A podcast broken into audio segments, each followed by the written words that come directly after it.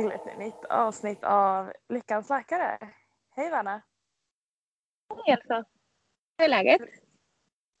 Jo, men det är bra.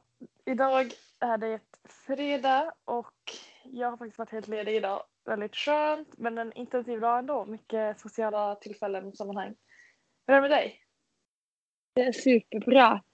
Jag sitter i solen på bryggan. Hemma i Finland alltså. Oj, vad härligt. Hur är det i Åbo, Finland? Är det varmt, soligt? Ja, det är 29 grader. Jag kom hem typ vid tre idag. Och det första jag gjorde var bara jag slängde kläderna, bytte till bikini och springde och hoppade in i havet. Wow! Oj, jag blir avundsjuk. Wow. I Luleå är det typ 15 grader och det har typ varit regn och moln senaste veckan så nu är jag lite, lite sugen på sol och värme igen. Men det ska bli skönt att komma tillbaka till Göteborg på söndag. Och hoppas, eller jag såg att det var typ 30 grader där just nu så det låter ju... Ja, det var jättevarmt där med. Mm. Men eh, nu har vi börjat väldigt positivt här. Har du någon, kan du toppa det, allt det här med någon lyckopiller? Har du någon veckans lyckopiller? Ja, det har jag. Nu när de lyssnar så är det veckan tidigare, alltså en vecka tillbaka. Men jag känner att jag måste få säga det ändå för att jag blev så glad när jag såg min lillebror springa ut och ta studenten. Och det var, alltså det var sån nostalgitripp också för han springer ut från exakt samma dörr, samma skola som jag gjorde när jag tog studenten. Och att se hela liksom, klassen ha det här lyckoruset när det dundrar musik och alla bara skriker, hoppar och dansar. Det var alltså världens lyckorus. Ja, det låter magiskt. Ja men alltså, det är som att hela livet ska starta på ett nytt kapitel. Mm. Mm. Så mycket hopp och liksom möjligheter. Ja, herregud. Hela Ja. livet framför sig. Fantastiskt. Och vad var ditt lyckopiller? Och jag har faktiskt ganska svårt att välja. Jag har haft många lyckopiller den här veckan men jag, det, det har hänt mycket så jag ska välja någonting som var lite mer lugnt och liksom fick mig känna ro. Och det var eh, igår på morgonen efter att jag hade tränat eh, på boxen crossfit så åkte jag, det var premiär för Hagabadets eh, utomhusyoga. Och vi körde en på Radisson Blues takterrass. Det hette Bibi Rooftop. Just det. Och det var sol, det var, det var som att vara utomlands. Jag vet inte. Det var liksom, det var bara magisk stämning. Och så Ja, bra yoga. Jag såg en bild och det såg helt fantastiskt ut och jag blev också så peppad. Jag vet, de ska ha ett event där nu på tisdag. Det kommer jag ha varit nu redan när det här eh, släpps men jag ska ju vara med på det på tisdag kväll. Mm, Eh, så fråga. kul. Så Så fantastiskt. kul. Ja. Utsikten är magisk. Liksom där fick jag en känsla bara wow vilken... Vad tacksam jag är att jag får bo i den här staden. ja, visst var det Det på så Lindholmen i Göteborg? Ja, exakt. Mm. Förresten, visste du att i år det är två städer i Sverige som fyller 400 år? Och vet du vilka städer det är? Jag vet att det är Göteborg. Mm. Är den andra då? Men, nej, det vet jag inte. Det är faktiskt Luleå, Elsa. Men du, alltså jag, hade, jag hade det på känn men jag vågar inte säga det. Jag kände vad pinsamt om jag inte vet det. Aj, aj, aj. Det är en stad. Jag tänker bara vad fint att Göteborg och Luleå, mina två favoritstäder i Sverige, också de städerna jag har bott i, råkar ha samma födelseår. Det känns lite mäktigt. Riktigt. Så coolt. Det är häftigt. Wow. Grattis säger vi till båda två. Grattis. Göteborg och Luleå. Ja. Okej, men eh, Ja men eh, lyckokillar för mig den här veckan. Supertråkigt men jag tänker ändå ta upp det. Och det är seriöst vardagstjafs. Alltså när man bor med familjen, det är supermysigt. Men vi är fem personer i familjen plus en hund. Och efter att man har varit nu tillsammans i två veckor så kommer man in lite på det man, det man har liksom haft i uppväxten för att i en familj så har man kul tillsammans men i alla fall för oss så kommer det också en del bråk. Eh, vi är Mm. tre syskon då. Och sådana här tråkiga vardagstjafs om helt meningslösa saker som typ vem ska plocka ur diskmaskinen. Tråkiga glädjedödare som kan komma nästan var och varannan dag när man eh, är liksom en grupp som ska fungera tillsammans. Så jag bara funderar på alltså, varför är det så svårt? Jag vet inte om du, ni kanske inte, om det finns en familj som inte har sådana tjafs. Och varför är det så svårt att liksom låta bli att tjafsa om småsaker? Jo men det är klart att vi har de tjafsen också när man har liksom spenderat lite mer tid tillsammans. Men jag tänker att det är väl de stunderna, kanske just där och då det känns jobbigt men egentligen när jag är själv i min lägenhet i Göteborg så saknar jag de tjafsen. För det är ändå liksom, det är då man är väldigt nära och liksom verkligen, ja men man liksom, man bara känner allt tillsammans. Så att, eh, ja. det behöv, man behöver inte bli av med dem. Kanske att det inte blir världens största liksom, grej men jag tror att det ingår i att vara syskon. Jo, absolut. Det ligger säkert något i det. Men det kan Ja. ändå vara glädjedödare ibland. Absolut, absolut. Men vad var din lyckokille? Min veckas lyckokiller var att eh, jag har jobbat för mycket. Jag kände att jag behöver göra extremt mycket jobb inför semester i Finland. Och eh, det hela slutade med att eh, jag bara, jag kunde inte njuta av att jobba utan jag liksom jobbade för att komma hem. Och den känslan gillar jag inte alls. Jag vill liksom kunna känna att det är meningsfullt. Men istället så liksom jag längtade tills att jag har jobbat de dagarna och kommer och får min semester.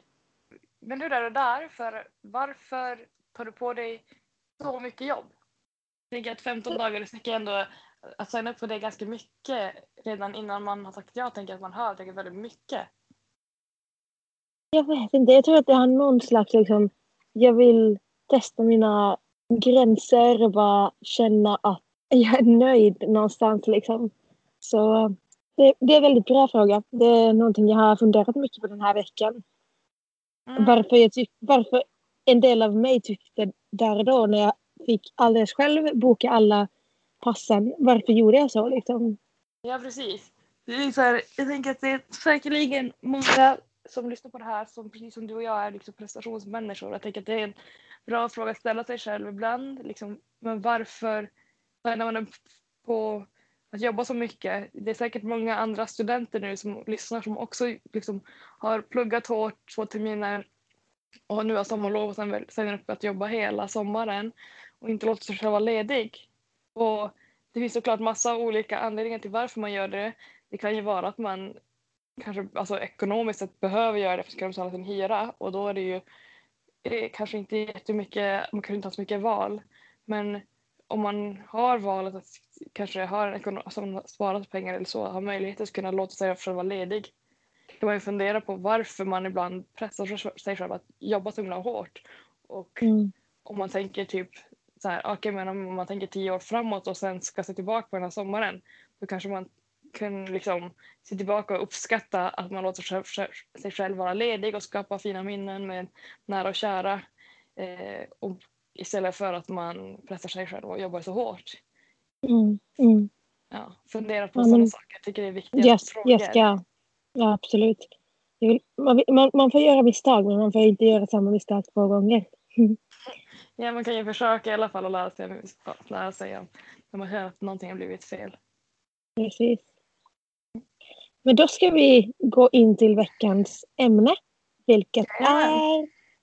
Och veckans gäst som också är väldigt... Vi båda känner ju honom också på personliga plan. Det kan man verkligen säga. du Ja. börjar jag. Ja. Nämligen veckans gäst är Elsas pappa. Jajamän, Arne Hassler. Ja, som är en gastroenterolog. Det betyder helt enkelt att man jobbar med magen, mag-tarmkanalen som man brukar kalla det för. Ja, Vårt specifika tema är alltså, IBS. ja Vad det står för så kommer Arne få berätta för oss. precis. Jag tycker att vi hoppar rakt in på avsnittet och låter han få presentera ämnet. Ja, låt experten tala. Jajamän. Då välkomnar vi mag-tarmkanalläkaren Arne Hassler som också är Elsas pappa. Välkommen! Tack för det. Hej! Hej hej! Vill du börja berätta vad det är du jobbar med? Vad betyder det att man jobbar med mag-tarmkanalen?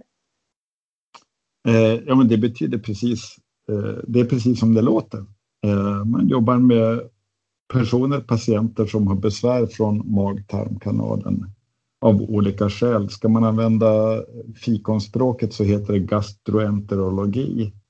Och då är man även specialist i leversjukdomar, det kallas hepatologi. Och varför valde du att bli just gastroenterolog? Där kan man väl nästan säga att specialiteten valde mig. Eh, de som känner mig vet att jag är väldigt barnslig, tramsig och eh, säger då att det är klart att du blev magtarmspecialist, att du blev bajsdoktor och man kan hitta på alla möjliga eh, mer eller mindre roliga kommentarer kring det. Men eh, jag hade flera olika idéer om vad jag skulle bli. Jag funderade på eh, hematologi, alltså blodsjukdomar, jag funderade på barnläkare, allt möjligt. Men när jag, skulle, när jag sökte första jobbet så var det inte så lätt att få, få vikariat. Utan då, då började jag på internmedicin som är liksom eh, basspecialiteten kan man säga, den breda basen. Och sen behövde man doktorer som inriktar sig lite mot mage-tarm. Så jag började lite grann eh, göra undersökningar som kallas gastroskopi och koloskopi, att man tittar in i magen och in i tarmen eh, och eh, tyckte det var kul. Och sen blev det en möjlighet för mig att börja specialisera mig på det. Och så att egentligen gled in på någon sorts eh, bananskal för att det var där det fanns en möjlighet och sen har jag aldrig ångrat mig. Jag trivs otroligt bra med det. Men lite mer att specialiteten valde mig än att jag valde specialiteten. Och sen då vill vi ställa frågan som vi faktiskt ställer till alla våra gäster. Helt fri tolkning på ditt bästa hälsotips. Mitt bästa hälsotips kan låta klyschigt, men det är att vara snäll med dig själv och vara snäll med andra. Ta hand om dig. Jag tror att de flesta av oss vet vad som får oss att må bra, vad, som, eh, vad vi kan äta för att må bra. Gör det. Försök göra det och klandra dig inte för det som du inte gör. Vi är alla människor och vi är mer eller mindre bra på att lyckas med det vi för, förutsätter oss. Så var snäll med dig själv, var snäll med andra. Jag önskar att det vore så lätt som det låter.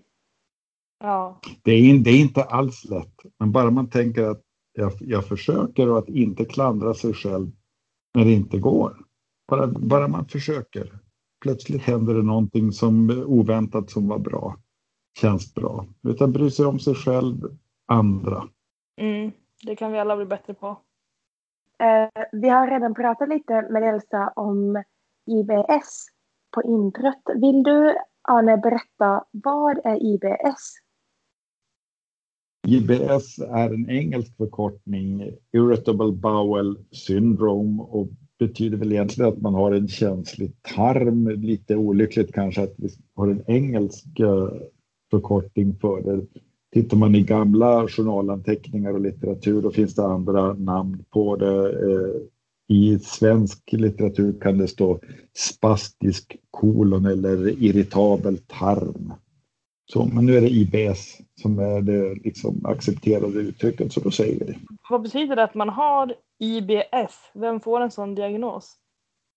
Det är en väldigt vanlig diagnos. Man brukar säga att om man använder sådana här diagnoskriterier som eh, för att ställa diagnosen IBS, då kan det vara så många som eh, en tiondel av världens befolkning som har det här syndromet eller sjukdomen.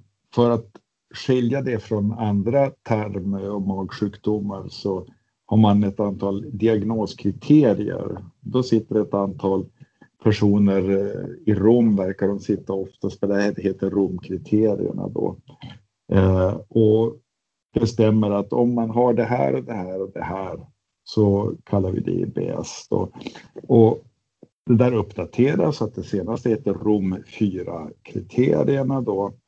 Symptomen ska vara att man har återkommande besvär av buksmärta och det ska inte vara nytillkommet. Och det ska ha hållit på ett tag, eller ett bra tag. Så den strikta definitionen är att det ska ha varit minst en dag per vecka under de tre senaste månaderna. Och det ska ha börjat för minst sex månader sedan. Och sen har man då olika eh, symptom som man ska uppvisa för att det här ska liksom falla inom ramen för IBS. Och då har man sagt att två av de här tre sakerna jag ska räkna upp eh, måste föreligga. Då. Och det är att de här besvären man har ska vara kopplade till tarmtömning eller att det ska vara kopplade till att man får gå oftare eller mer sällan på toa eller att eh, avföringen har ändrat konsistens på något sätt i samband med symptomen. Så att två av tre. Okej. Okay. Mm. Ja, ska jag ta det här med undergrupperingen sen då? För att då kommer det om liksom att det finns förstoppningsdominerad, diarrédominerad och vill att jag ska dra det? Vad är det normala antalet att gå på toaletten eh, per dag eller vecka? Mycket bra fråga och det där är något som eh, kan vara stressande om man börjar räkna och tänker att eh, jag har nog för många eller för få eller för sällan. Eh, och eh, det finns något sån här lite, vad ska man säga, för att få någon sorts känsla för det så, kan man, så brukar man säga att exempelvis att eh, högst tre gånger per dag eh, och minst var tredje dag. Men min, min erfarenhet är att normalt antal gånger är så många gånger som behövs för att du ska må bra.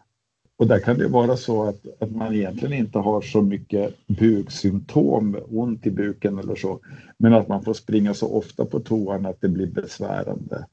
Eh, så att man kan behöva hjälp med att behandla det på något sätt. Men, sen, men till exempel att gå sällan på toaletten om man inte har några symptom av det, eh, det är väl bara grattis nästan. Man behöver inte gå på toa så ofta och man får bara toalettpapper. Det är bra i coronatider också. Ja, spara precis. på miljön och spara på, ekonomin. Det kanske ni kan förklara för mig. Varför började så många hamstra toalettpapper när corona kom? Jag fattar inte. Nej, vi får se om det kommer någon bra forskning på det framöver. Men vad var det, vad var det man ville skydda sig? Jag fattar faktiskt inte. Kunna snyta sig när allt snor kommer och slem. Ja, jag tycker det är jättekonstigt. Är det det vi människor är mest rädda för? Tänk om det kommer en hemsk infektionssjukdom och toalettpappret tar slut. Jag Det är fattar. faktiskt lite konstigt. Ja. Ja. Okej, men om vi går tillbaka till IBS då. Vad, vad orsakar IBS? Varför får man det? Det vet man faktiskt inte. Vi har ju förstås, eftersom det är så vanligt så har det ju forskats jättemycket på orsaken till det och man har inte kunnat säga vad som är eh, själva orsaken. Ibland så ser man att det debuterar efter att man har varit med om någonting. Eh, man talar ibland om postinfektiös IBS. Eh, då kan det vara så att man har haft en tarm och mage som man inte haft några som helst besvär av under hela livet tidigare och sen så eh, kanske man åker på en, en infektion, en matförgiftning eller man får en campylobacterinfektion eller någonting. Och efter det så blir magen och tarmen sig aldrig lik igen. Eh, man har funderat mycket på, kan det vara infektion? Jag men, ett tag funderade man kring om mässling kunde vara någonting som triggade igång det där. Men grundläget är att man, man vet inte. Det, det kan ibland dyka upp efter att eh, tarmen, magen har fått sig en rejäl smäll av någonting. Men ibland dyker det bara upp och för en del är det någonting som de har med sig hela livet. Eh, det verkar finnas en ärftlig del av det också. Inte så sällan när jag träffar en patient där vi har ställt diagnosen IBS då, säger, så kanske, då frågar jag om, man, eh, om det är många i släkten som har besvär från mage-tarm och då är ett ganska typiskt svar att jo, men alla, alla i våran släkt har jättebesvärligt med magen. Men hur är det? För jag tänker på att ibland får man höra också att det är många som lite grann skämtar bort det som att det vore så att det bara sitter i huvudet att liksom, nej men inte kan det väl vara så farligt, skärp dig eller att man kanske överdriver och att man inte ska klaga på sina på magont. Att det kanske är att man stressar för mycket och sådana saker. Nej, men där är det så här, man har kunnat se, man, man har gjort forskning som man kan kanske tycka är lite knasig.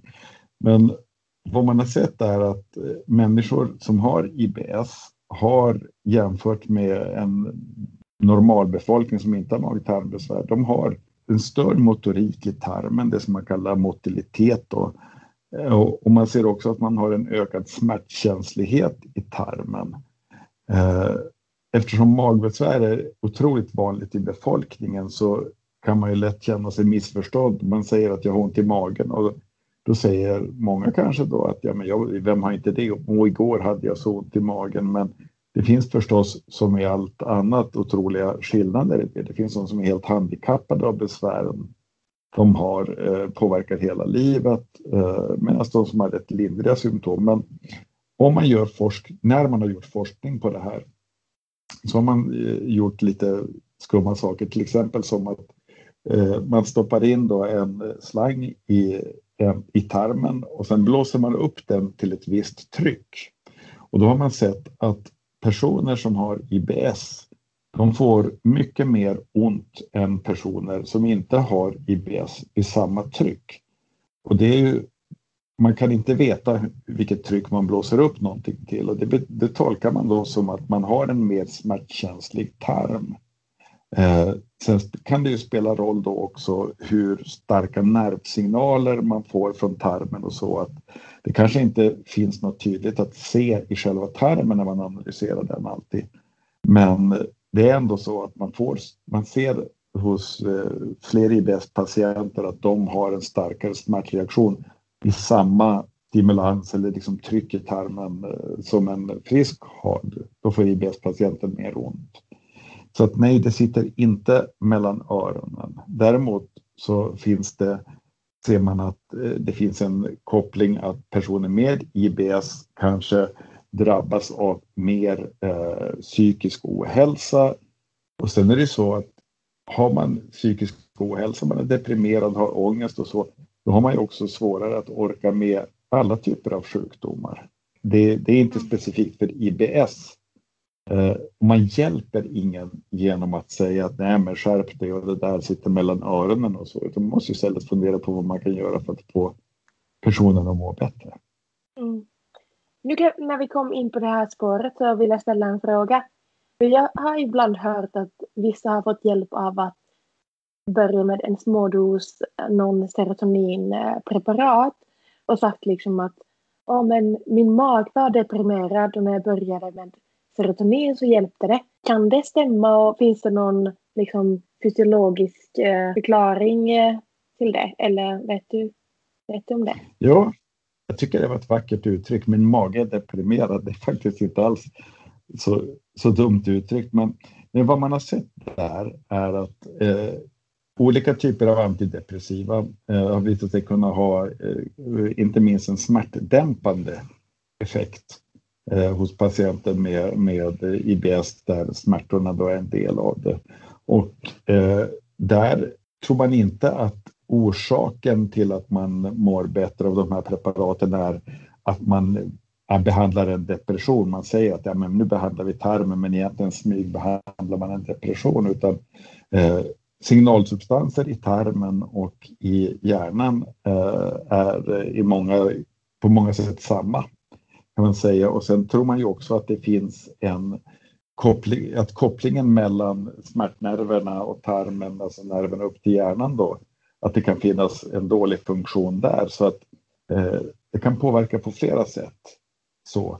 Men det är inte, det försöker jag vara tydlig med patienterna med att när man, när man om man vill testa antidepressiva, säga att det är låga doser, sådana som inte brukar spela någon roll för Eh, depression. Och skulle det sen vara så att det finns, att, att det finns ett depressivt inslag eller ångestinslag i det här, ja, men då är det väl bara utmärkt om man kommer åt det med den här medicinen.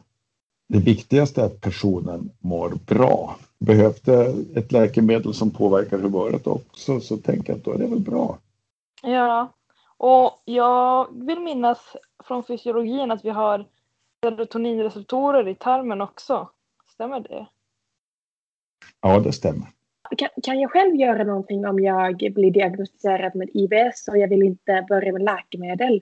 Vad kan jag göra hemma? Absolut, absolut. Eh, och det är jättebra vad ska jag säga, grundinställning till det, att fundera på vad man kan göra utan läkemedel. Det är inget nederlag att börja med medicinering, men i första hand se om det finns livsstilsförändringar, eh, påverkan på kosten, andra saker man kan testa. Och där finns det många saker att pröva.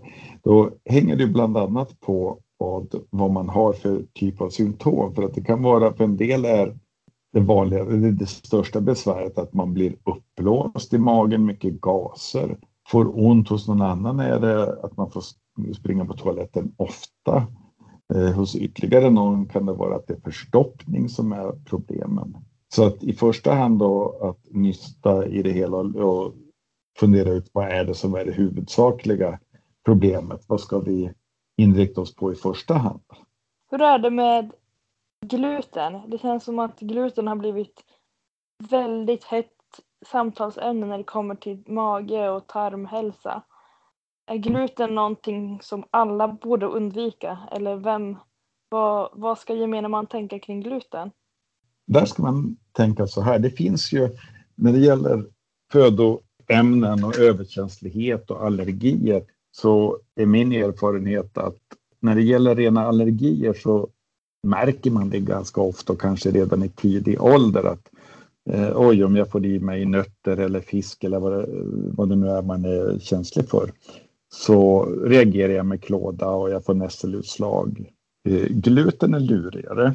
Gluten är ju inte en egentlig allergi utan det är att, att kroppen reagerar genom att man får en skada på tarmluddet i tolvfingertarmen.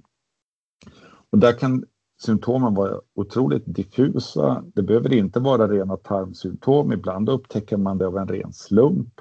Att man av någon anledning tar eh, olika prover. Man kanske ser att någon har brist på järn eller B-vitaminer. Och det är viktigt då att skilja på en så att säga, äkta glutenintolerans. För har man ställt den diagnosen via blodprover och en eh, magundersökning, en gastroskopi med provtagning, då är det viktigt att man helt och hållet låter bli att äta gluten för att tarmen tar skada av det och man kan få negativa konsekvenser på sikt. Där kan man tänka, ställa sig frågan då, ja men om, jag, om det visar sig att jag har glutenintolerans, och, men jag mår ju bra, jag har ju inga besvär av det. Eh, behöver jag verkligen äta glutenfritt då? Och det är absolut en stark rekommendation att man gör det, för risken för eh, att man börjar ta upp Eh, vitaminer, eh, järn så dåligt är eh, hög och man löper också på sikt ökad risk för vissa cancerformer att drabbas av vissa cancerformer. Som du är inne på då så har det blivit populärt att undvika gluten, eh, att gluten skulle vara ett gift och även socker är ett gift och annat. Och det är absolut så att en del mår bättre av att låta bli gluten eller kanske dra ner på gluten i kosten. Där upplever jag ändå att de som en del patienter som har olika typer av tillstånd, det kan man även vara med helt andra magtanddiagnoser. Eh, man kanske har en känd tarminflammation eh, och så har man testat att vara utan gluten och så kommer man på ett återbesök till mig och så säger man att men nu, vilken skillnad, nu mår jag så otroligt bra. Så kan det visst vara, men det är ingenting som gäller för alla och jag upplever ändå att det är ganska vanligt att vid koständringar att man kan uppleva en övergående förbättring. Och om det då är placebo eller att det verkligen gjorde en skillnad, det är svårt att säga. Och det är fritt fram för eh, alla människor förstås att pröva sig fram. Men en fara om man började titta på kosten, det är om man liksom blir för fixerad vid att det, ska det är någonting i kosten, det är något jag gör som är fel, det är något jag äter som är fel. För börjar man då plocka bort sak efter sak efter sak i kosten, då är risken att man i slutändan landar på en kost som man inte mår bra av. Det kan vara att man säger att jag tål bara kokt osaltat ris och kokt osaltad fisk. Eh, men, men egentligen mår man inte något mycket bättre än vad man gjorde från början, men man utvecklar brister och sånt. Så att man ska vara mm. försiktig med att, med att, att eh, eliminera för mycket ur kosten. Och ska man göra det ska man göra det på ett strukturerat sätt. Gärna i mm. samråd med en dietist till exempel. Mm. Och när du säger det här med glutenintolerans, bara för att förtydliga. Glutenintolerans, visst är det samma sak då som celiaki som folk kan prata om? Precis. Och vi, vi vill att man, eh, eller då bör man också göra en gastroskopi när man tittar ner med en slang med en liten kamera längst fram magsäcken och så tar man slemhinneprover från tolvfingertarmen och då kommer man se att det här tarmluddet eller villus som det också villi som det också kallas då, att det är tillbakabildat och då tar man inte upp näringsämnen på det sätt man ska göra. Och eh, det går inte att ställa diagnosen om, hos någon som äter glutenfritt. För att det som är bra då med den här sjukdomen är ju faktiskt att man behöver inte ta några mediciner utan man eh, ska undvika gluten. Och undviker man helt gluten och sen tar prover i blod, eh, blodprover eller prover från tolvfingertarmen, då ser det helt normalt ut. Så att äter någon glutenfritt och undrar om man eh, har en glutenintolerans, då måste man eh, återgå till gluteninnehållande kost för att få kunna ställa diagnos. Okej. Okay. Men är, har glutenintolerans och IBS någonting med varandra att göra? Eh, inte så vitt jag vet annat än att man kan få mag-tarmsymptom av bägge och i, i, en utredning av eh, en eh, IBS så är, är det rimligt att ta med prov, blodprov för glutenintolerans då. Men vi gör det absolut inte gastroskopi på alla som söker eh, där vi ställer diagnosen IBS. En kostfråga till.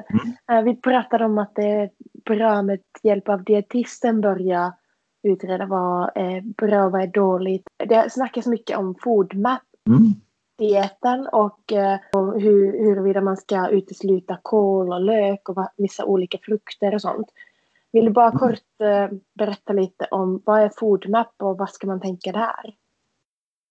Eh, bra. Eh, jo, FoodMap har blivit väldigt populärt eh, och det är ett sätt då att man tar bort en del olika saker ur kosten med förhoppning om att då minska eh, mag-tarmsymptom hos personer med IBS eller hos alla med, med mag-tarmsymptom. Då. Foodmap, eh, man kan tänka sig att det skulle vara med två O som i mat och karta, men det är det inte. Det är F-O-D-M-A-P och det är för att det ska funka så är det engelska då, men en del ord kan man säga på svenska. Eh, och det betyder då fermenterbara kolhydrater. Det är kolhydrater som jäser i tarmen. O är oligosackarider, det är en sorts sockerarter. Disackarider, det, det är eh, laktos till exempel. Monosackarider, M det är fruktos till exempel. Och A står bara för and. Polyoler och det är något som är, kallas, eller som är sockeralkoholer då. Och det var jättesvårt att förstå. Om jag säger att du ska undvika fermenterbara kolhydrater, oligosackarider, disackarider, monosackarider and polyoler. Och enklaste sättet att säga vad man ska äta, eller säga att, att lista ut vad man ska äta, det är att googla på det. Jag testade nu och det finns jättemånga bra tips. Det, vad, man, vad det handlar om är att det är korta sockerkedjor som inte tas upp eh, så mycket i tarmen och då ligger de där och jäser. Som sagt, man kan titta i, eh, på nätet och se vad man ska undvika men det är till exempel då spannmål, lök, baljväxter, väldigt roliga ord kan jag tycka. Eh, baljväxter, vet ni vad baljväxter är? Hur man listar ut vad som är en baljväxt? Nej. Mm. Nej, stoppa det i en balja och se om det växer. Nej. Eh, man ska undvika mjölk, mjölkprodukter som innehåller laktos, men laktosfritt brukar funka och man kan äta smör, vissa ostar. Frukt i största allmänhet ska man undvika, men bär och ändå vissa frukter funkar. Och sen det här sockeralkoholer låter ju jättegott tycker jag. Men det är de här, tycker jag, kallar jag fusksocker. Det är så här xyl, xylitol till exempel. Det är sånt som man sätter i tuggummi för att få det att smaka sött.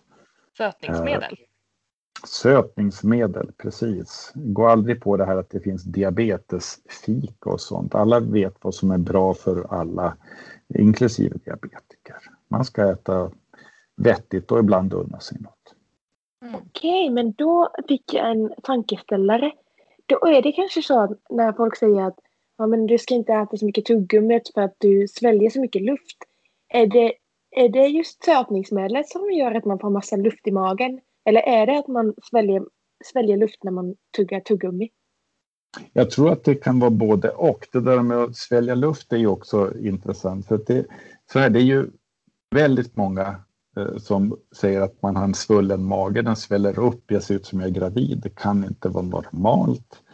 Och där finns det flera infallsvinklar. Dels är det så här, en mage, en tarm innehåller gas. Det är normalt. Den här bilden av att eh, man ska ha en mage som liksom inte alls buktar ut utan den ska vara slät och gärna lite inåt. Och så. Eh, det är inte det normala. Det bildas gas i tarmen och en, de sätt vi har att minska den gasen det är eh, steg ett skulle jag säga, prutta och rapa. Det låter inte så charmigt men eh, det sätt gas har att ta vägen det är ut. Mm. Så har man mycket gas, om, om man håller, håller inne pruttarna och håller inne raparna, eh, ja då kommer magen bli spänd. Sen är det förstås så att det inte alltid är smidigt och känns enkelt att prutta och rapa, men man får försöka liksom smyga undan, vad vet jag. Eh, det var någon som sa att förr i tiden så hostar man för att dölja att man pruttade och nu under covid så pruttar man för att dölja att man hostar. Det går det kanske... inom sjukvården också. Ja, precis. Så här är det heja det... putt och heja rap. Gläder ja, mig men... särskilt faktiskt. Vadå? Jag, tänk, jag tänkte på det att alla, alla bär nästan äh, ansiktsmask, eller vad heter det, munskydd. Just det, kanske ingen känner någon. ja, men sen, eller, ja, eller, när vi nu är inne på det. Ja, men ja, och sen vad är ett typiskt symptom för covid-infektion? Man tappar luktförmågan. Man tappar ja, lukt. Man kan inte lukta ja, så att då gör det ju ingenting om man pruttar. Nej, förlåt. Nej, det var ett sma smaklöst dessutom, och så sitter, dessutom så sitter alla hemma så man kan prutta och rapa hur mycket man vill och då kanske man dessutom slipper ha en spänd ballongmage. Det är ju faktiskt en spännande tanke att, att uh, Skype och Zoom-möten minskar IBS. Det är ju jättebra. Ja. Muta, ja. muta när du ska pruta.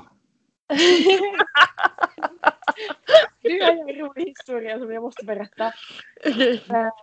Eh, min syster eh, hade ett äh, videomöte på jobbet och då hade någon gått på toalett äh, under tiden. De hade inte kamera på utan bara hörlurar.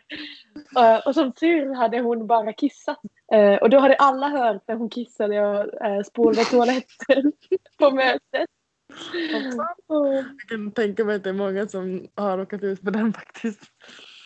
Men man kan också tänka att det är väldigt många IBS-patienter som mår bra för att man kan gå på toaletten så många gånger man vill. Det är absolut så. Det är för att, för att eh, man kan säga som vi var inne på tidigare att man ska inte alltid tänka att det finns en medicin eller en specifik behandling eller kostanpassning eh, som löser allting utan kroppen är ju väldigt, eller ofta tydlig med sina signaler om vad som behöver göras. Uh, if you gotta go, you gotta go, brukar man säga. Uh, att, att, när du behöver gå på toaletten så det, det är då det kommer funka som bäst. Uh, kniper man ihop och inte går, ja men då, då åker avföringen upp i tarmen igen och kanske blir hård, det blir mer gaser, det hinner jäsa mer. Så, så att klyschan att lyssna på din kropp, den gäller verkligen det är sällan att man kan, om man inte kan få till, vad ska jag säga då, bra eh, ätrutiner, gå på toarutiner, att man då ska kunna lösa det med läkemedel eller någon speciell kost, det, det är inte särskilt troligt. Men det här för mig in på en ganska, eller en, en sak jag funderat på. Vad är det som gör att, säg att man behöver gå på toa om man är ute på stan och sen är man på väg hem och ju närmare man kommer hemmet, ju mer och mer brådskande blir det. Och sen när man väl är hemma så är det liksom superbrådskande. Vad är det som händer i kroppen som man känner liksom av när man är på väg hem? Det, där, det kan jag inte säga att jag är någon expert på. Men jag tror, jag tror det är att man, jag tror det är att man, att kroppens eh, förmåga liksom att känna att det är inte läge nu, det är inte läge nu och sen börjar den slappna av kroppen och känna att snart är jag hemma. Snart är jag där. Eh, för det där känner jag absolut igen också. Ja, det vet jag att mina vänner också har sagt. Att, att plötsligt så när man står vid dörren så man vill nästan knäppa upp byxorna och springa med dem nere för att inte få den minsta risk att det ska hända någon olycka. Nej, det tror, det, tror, det tror jag bara är vår förmåga av att stänga ner naturliga signaler eh, som man då borde följa. Men det är ju så, livet är inte anpassat. Eh, våra liv är definitivt inte anpassade efter hur kroppen vill att vi ska göra alltid. Jag kan säga att patienter som har IBS där man kan ha, eh, som kan ha problem med att det blir väldigt bråttom. Man pratar om urgency eller imperativa diarréer. Det är det här när man liksom man känner att nu måste jag gå och då är det ingenting och då kan man inte vänta eller knipa ihop eller eh, säga får jag ta det där sen.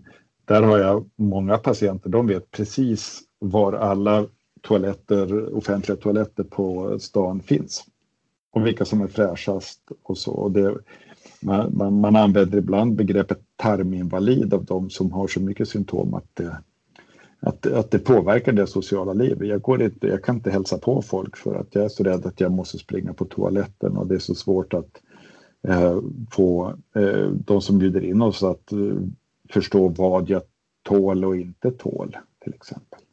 Mm. Hemskt. Men ska vi spola tillbaka bandet lite och prata lite mer om behandling? Jag funderar just mm. på det här som också varit på tapeten som är prebiotika och probiotika. Vad är det för någonting och är det någonting som läkare skriver ut? Fungerar det? Prebiotika måste jag säga är jag väldigt lite bekant med. Eh, utan, och där pratar man väl om, om eh, vilka fibrer man äter, så det ingår i ett kostfiberkoncept. Eh, och eh, biotika, det är ju liv, bios, livet och prebiotika är före livet. Och då tänker man att om man äter vissa substanser då så ska det ge bra effekter på tarmfloran.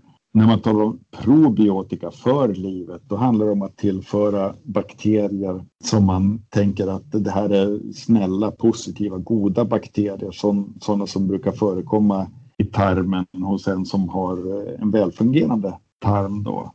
Och där kan man väl säga att det, forskning, det som jag har sett och läst, har inte kunnat visa liksom några mirakeleffekter av något av det här tyvärr. Eh, probiotika har vi ju haft mycket förhoppningar på för man ser, man undersöker vid alla möjliga tarmsjukdomar kan man se att tarmfloran är rubbad och då uppstår ju frågan, är tarmfloran rubbad för att man har en sjukdom eller har man en sjukdom för att man har rubbad tarmflora? Och där vad det gäller rent vad det är man stoppar i sig, vad man äter, så tänker jag att det kan ju FoodMap vara ett sätt att anpassa det så, så det är väl det jag har att säga om prebiotika. Probiotika, där finns det ju, ni vet alla de här produkterna med eh, acidofilus och allt vad de heter där det står och de innehåller gärna en miljard snälla bakterier. Det kan också vara värt att pröva men det är inte så att, att man har sett att man kan rekommendera det till alla eh, som har IBS eller för den delen andra tarmsjukdomar. Och det här acidofilus och det, det är väl alltså till exempel typ A-fil, eller hur? Mm, precis, och det står ja. ofta på förpackningarna då vad eh, vilka bakterier, ofta laktobaciller och så man tillför. Däremot finns det en, en grej som är rätt eh, knasig, fascinerande och oerhört välfungerande när det gäller en specifik sjuka. Och det är om man drabbas av en tarminfektion eh, med något som heter Clostridium difficile en specifik tarminfektion där en, en, en bakterie som normalt förekommer i tarmen tillväxer i för stor uh, utsträckning. Det är ganska typiskt att det kommer efter att man har fått en antibiotikakur.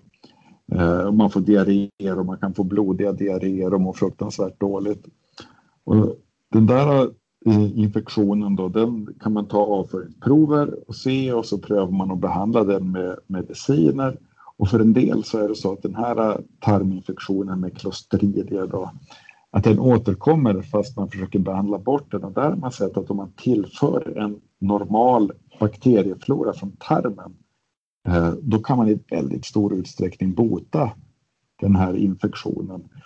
Och det är så knasigt kan tyckas då att man, man tar alltså avföring från någon som verkar ha en bra mage, eh, bra bakterieflora och sen så ger man det till eh, patienten som har en sån här återkommande klostridieinfektion. Alltså en, avföringstransplantation, eh, en bakteriefloratransplantation. Jag har gjort det en gång på en patient och då gör man så att det finns alltså donatorer, de som lämnar sin avföring och sen så uh, renar man det där så att det egentligen bara är en bakteriesörja kvar. Det ser ut som smutsigt vatten ungefär.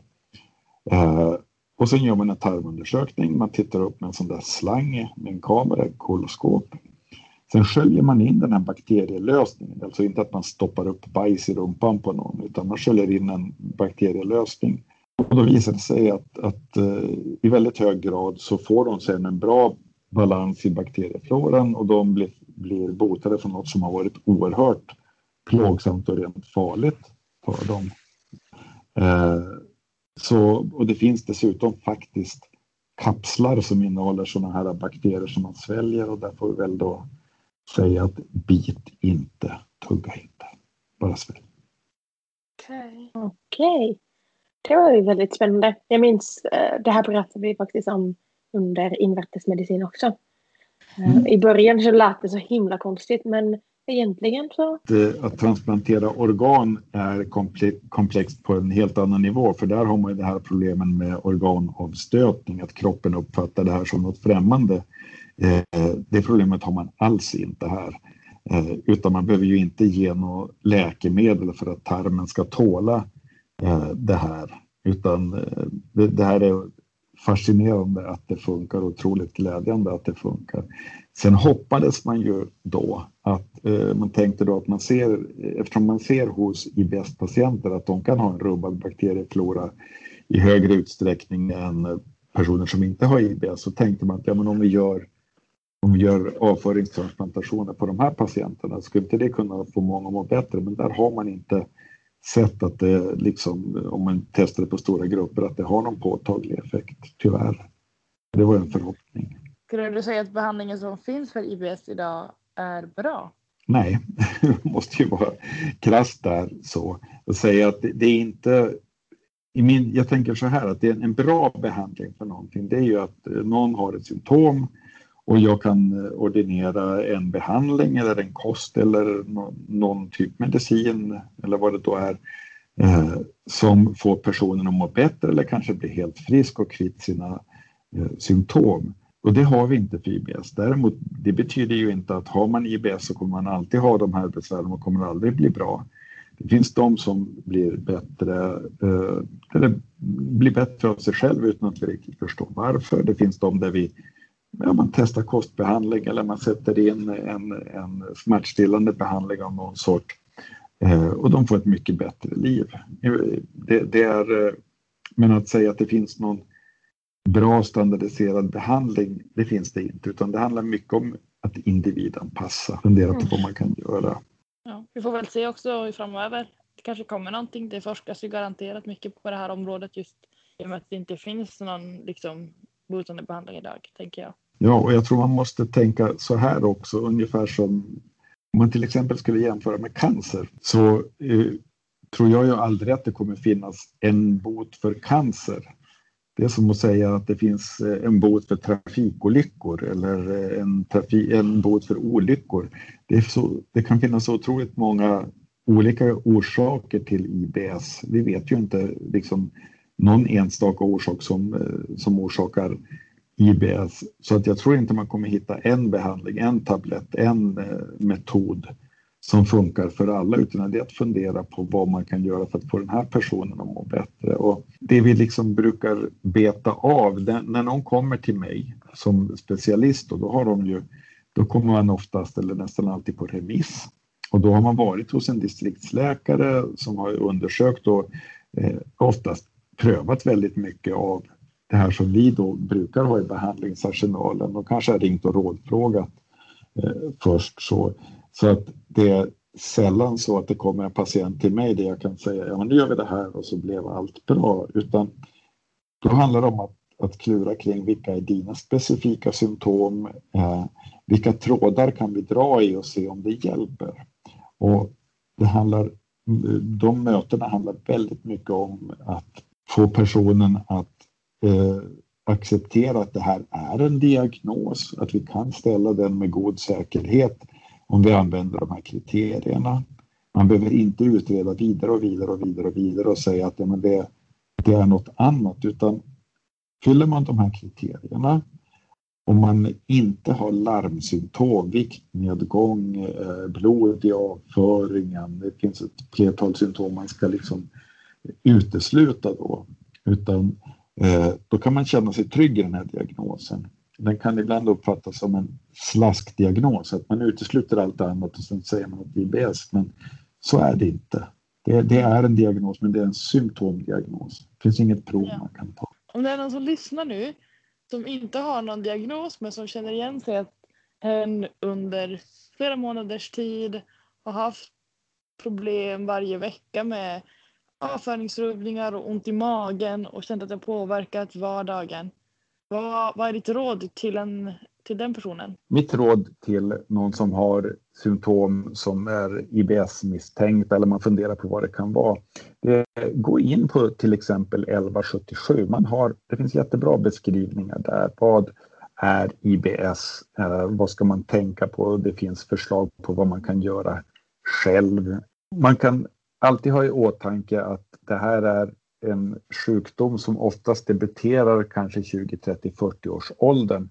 Nytillkomna tarmsymptom hos äldre personer måste man alltid eh, utreda mer omfattande. Eh, eller alltid, men eh, är det viktigt att ta ställning till i alla fall om man ska utreda mer omfattande. För att ju äldre man blir, ju större risk är det att det finns något annat bakom det här. Hos äldre personer kan eh, symptom som tolkas som IBS just då för något, något eh, tråkigare, någon, en cancer eller något sånt. Så att, men gå in på eh, vettiga sites och där jag rekommenderar 1177. Jag tycker att den är väldigt bra. Eh, checka av saker, fundera på vad du kan göra själv. Titta, testa FoodMap till exempel. Är det sen så att det här är symptom som påverkar din livskvalitet, ja, men boka en tid på din hälsocentral så får man göra en första bedömning där. Eh, och är det sen så att ja, men det här, man kommer inte vidare eller man misstänker något annat eller man kommer inte åt symptomen, ja, men då kan en remiss till en eh, mag-tarmspecialist absolut vara aktuellt. Mm. Okej, okay. då har vi lärt oss massor om IBS och fått bra tips. Tack så mycket. Tack så mycket. Tack så mycket. Jag tänker så här, viktiga budskap är ju så här att det, eh, att det inte är farligt. Det kan vara otroligt besvärligt att ha IBS, men det är inte mm. farligt. Det kan bli bättre. Eh, att man inte ska fastna i det här att man ska hitta en orsak och att orsaken ska åtgärdas och då kommer allt bli som vanligt. Utan man ska fundera på vad, vad kan jag göra trots det här? Inte på vad, allt, vad, som, allt vad, vad jag blir hindrad av. Mm. Eh, så att säga.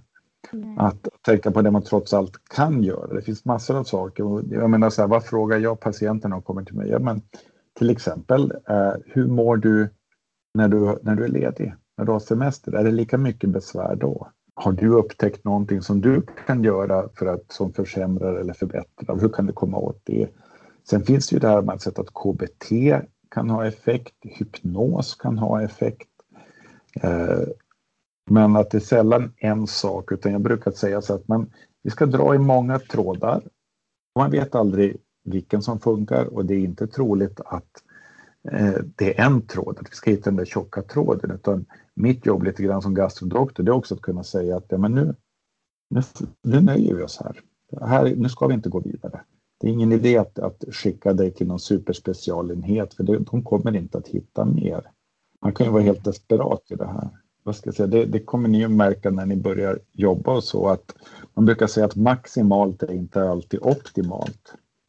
För att vi har, vi vill ju på något sätt, det är ju väldigt mänskligt så här att ja, men, jag, kan, jag kan inte ha det så här och ni måste lösa det här. Och det är faktiskt så att, att många, skulle jag säga, de allra flesta patienter med IBS och kanske med väldigt svår IBS, de söker aldrig. De tänker att det är så här, de hittar sätt att leva med det.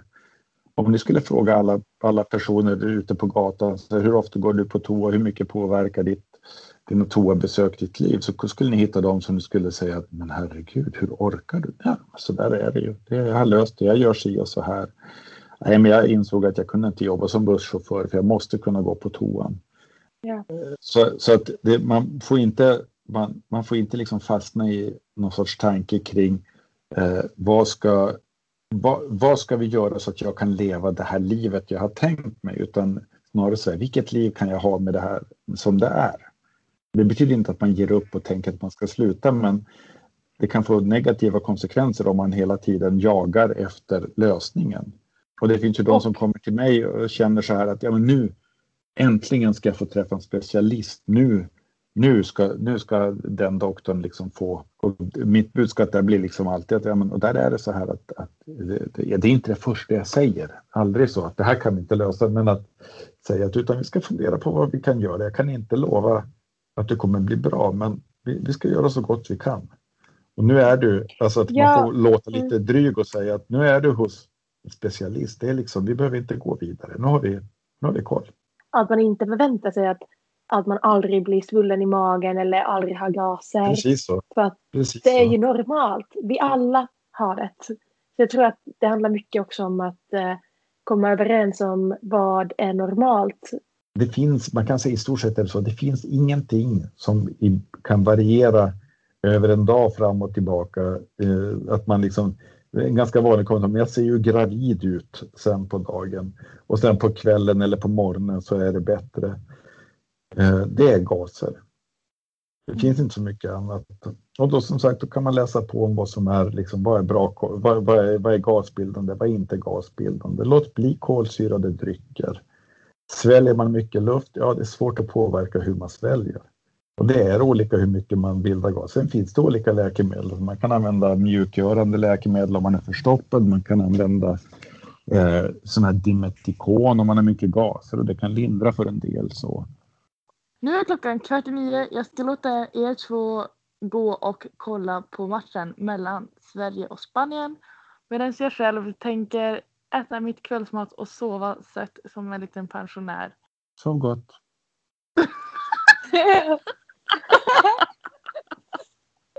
Så gott att heja Sverige. Ja, så gott att heja Sverige. Och det heter inte ja, mitt kvällsmat. Mitt kvällsmat. Min kvällsmat. Okej, okay. ha det så kul. Alltså vad roligt att någon rättar Elsa ibland. Ja du, det är inga problem. Där, och du ska inte låta Elsa vara för bossig med det, Werner. Sådär ja. Då är vi, ska du säga att vi är experter på IBS? Ja, det kan jag inte säga. Jag tror att eh, när det gäller IBS så kommer varje patient bli expert på sin egen sjukdom så att, för att det är så individuellt vad som funkar för olika individer som lider av just IBS. En väldigt bra poäng. Det är en väldigt individuell sjukdom. Mm. Och då ska vi understryka en sak som jag tar med mig är att det är ingen slaskdiagnos även om det är uteslutningsmetodik som leder fram till den här diagnosen. Så det är en riktig diagnos och det ska tas på lika stort allvar som vilken som helst andra diagnos ja. eller sjukdom. Ja, och att även fast doktorn inte kan säga att ja, det här provet visar att det är IBS eller den här undersökningen visade det, så finns det fortfarande också kriterier, bara, alltså kriterier för att man ska uppfylla sjukdomen. Skillnaden är bara att kriterierna handlar om symptom och inte prover eller undersökningar.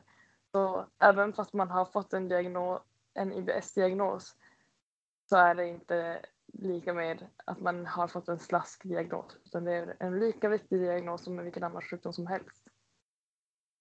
Verkligen. Det, det är jättebra att veta. Både för oss som blivande läkare men också för alla som lyssnar för att det är säkert många som lider av IBS som, som lyssnar det här avsnittet eh, i och med att det är så pass vanligt. Ja, precis. Men här kan vi också skicka med en påminnelse till folk som kanske tycker att tarmar och magen inte fungerar som det ska också. Just det här att ha rimliga förväntningar på din kropp och på din mage. En vanlig mage är inte alltid platt, tajt och helt perfekt utan en mage kan bukta lite utåt ibland särskilt efter en lång dag när man har fyllt tarmarna och magen med mat. Så att, och att en normal mage har också gaser ibland. Eh, kan ha ibland oregelbunden avföring så att ha, ha inte liksom förvänta dig inte att din mage ska vara totalt felfri. Precis, väldigt bra poäng där. Jag älskar faktiskt att folk har börjat posta på Instagram de här bilderna. Liksom, det finns två bilder. En där man är helt avslappnad och en där man spänner. Ja. man går ju inte runt och är helt platt och visar sina magmuskler hela tiden. Nej Mm. precis, även om Men- det oftast är så det ser ut när man ser bilder på Instagram. Man får komma Precis, ihåg att precis. det är just bilder och det är en millisekund. Det är inte hur personen ser ut 24 timmar om dygnet.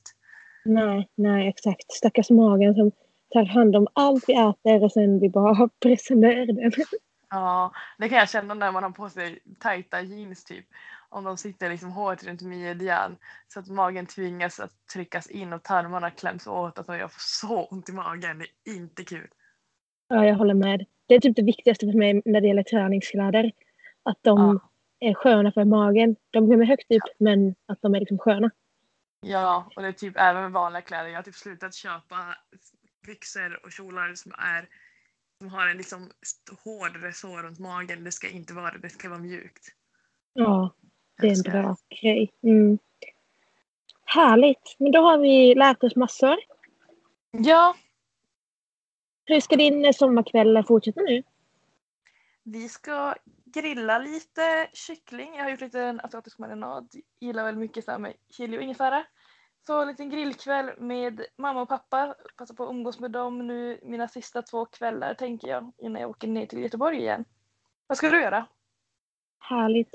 Jag ska äta med familjen, eh, kanske basta. Det är dock väldigt, väldigt varmt. Jag vet att familjen ska basta men jag känner att jag har typ blivit lite svensk i och med att jag är inte så sugen på bastu när det är 30 grader ute. Men eh, det blir nog bastu ändå.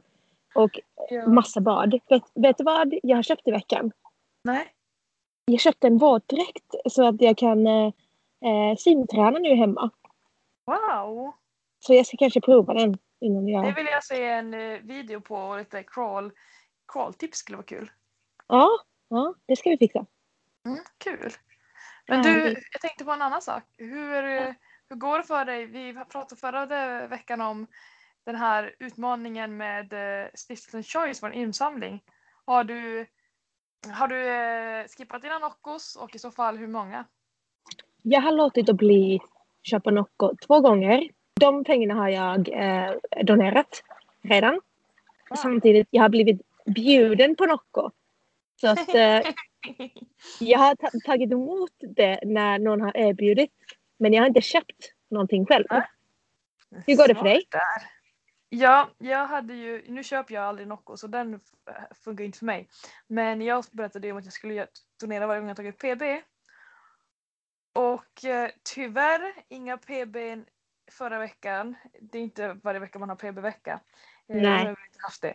Men eh, jag kämpar på i gymmet och jobbar på teknik framför allt för att kunna ta mer vikter. Med bättre teknik kan man också bli starkare. Så det kämpar jag på med och jag ser fram emot mitt första PB för sommaren och att få göra min första donation. Härligt. Nu håller jag tummarna för dig. Ja. Tack. Okej. Ta hand om dig. Ja, njut nu av eh, eh, Finland. Så ser fram emot att få se lite crawl-tips. Ja, och allt annat. Mat och allt ja, möjligt.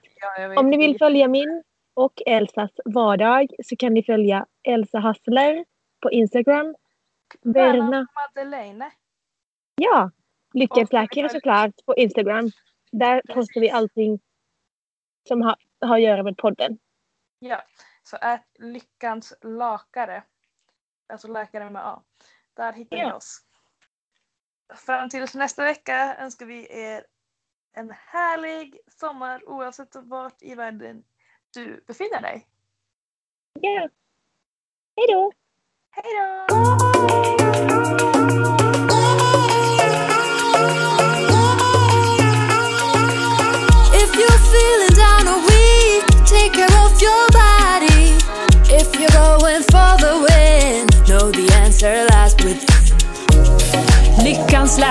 Med Värna och Elsa.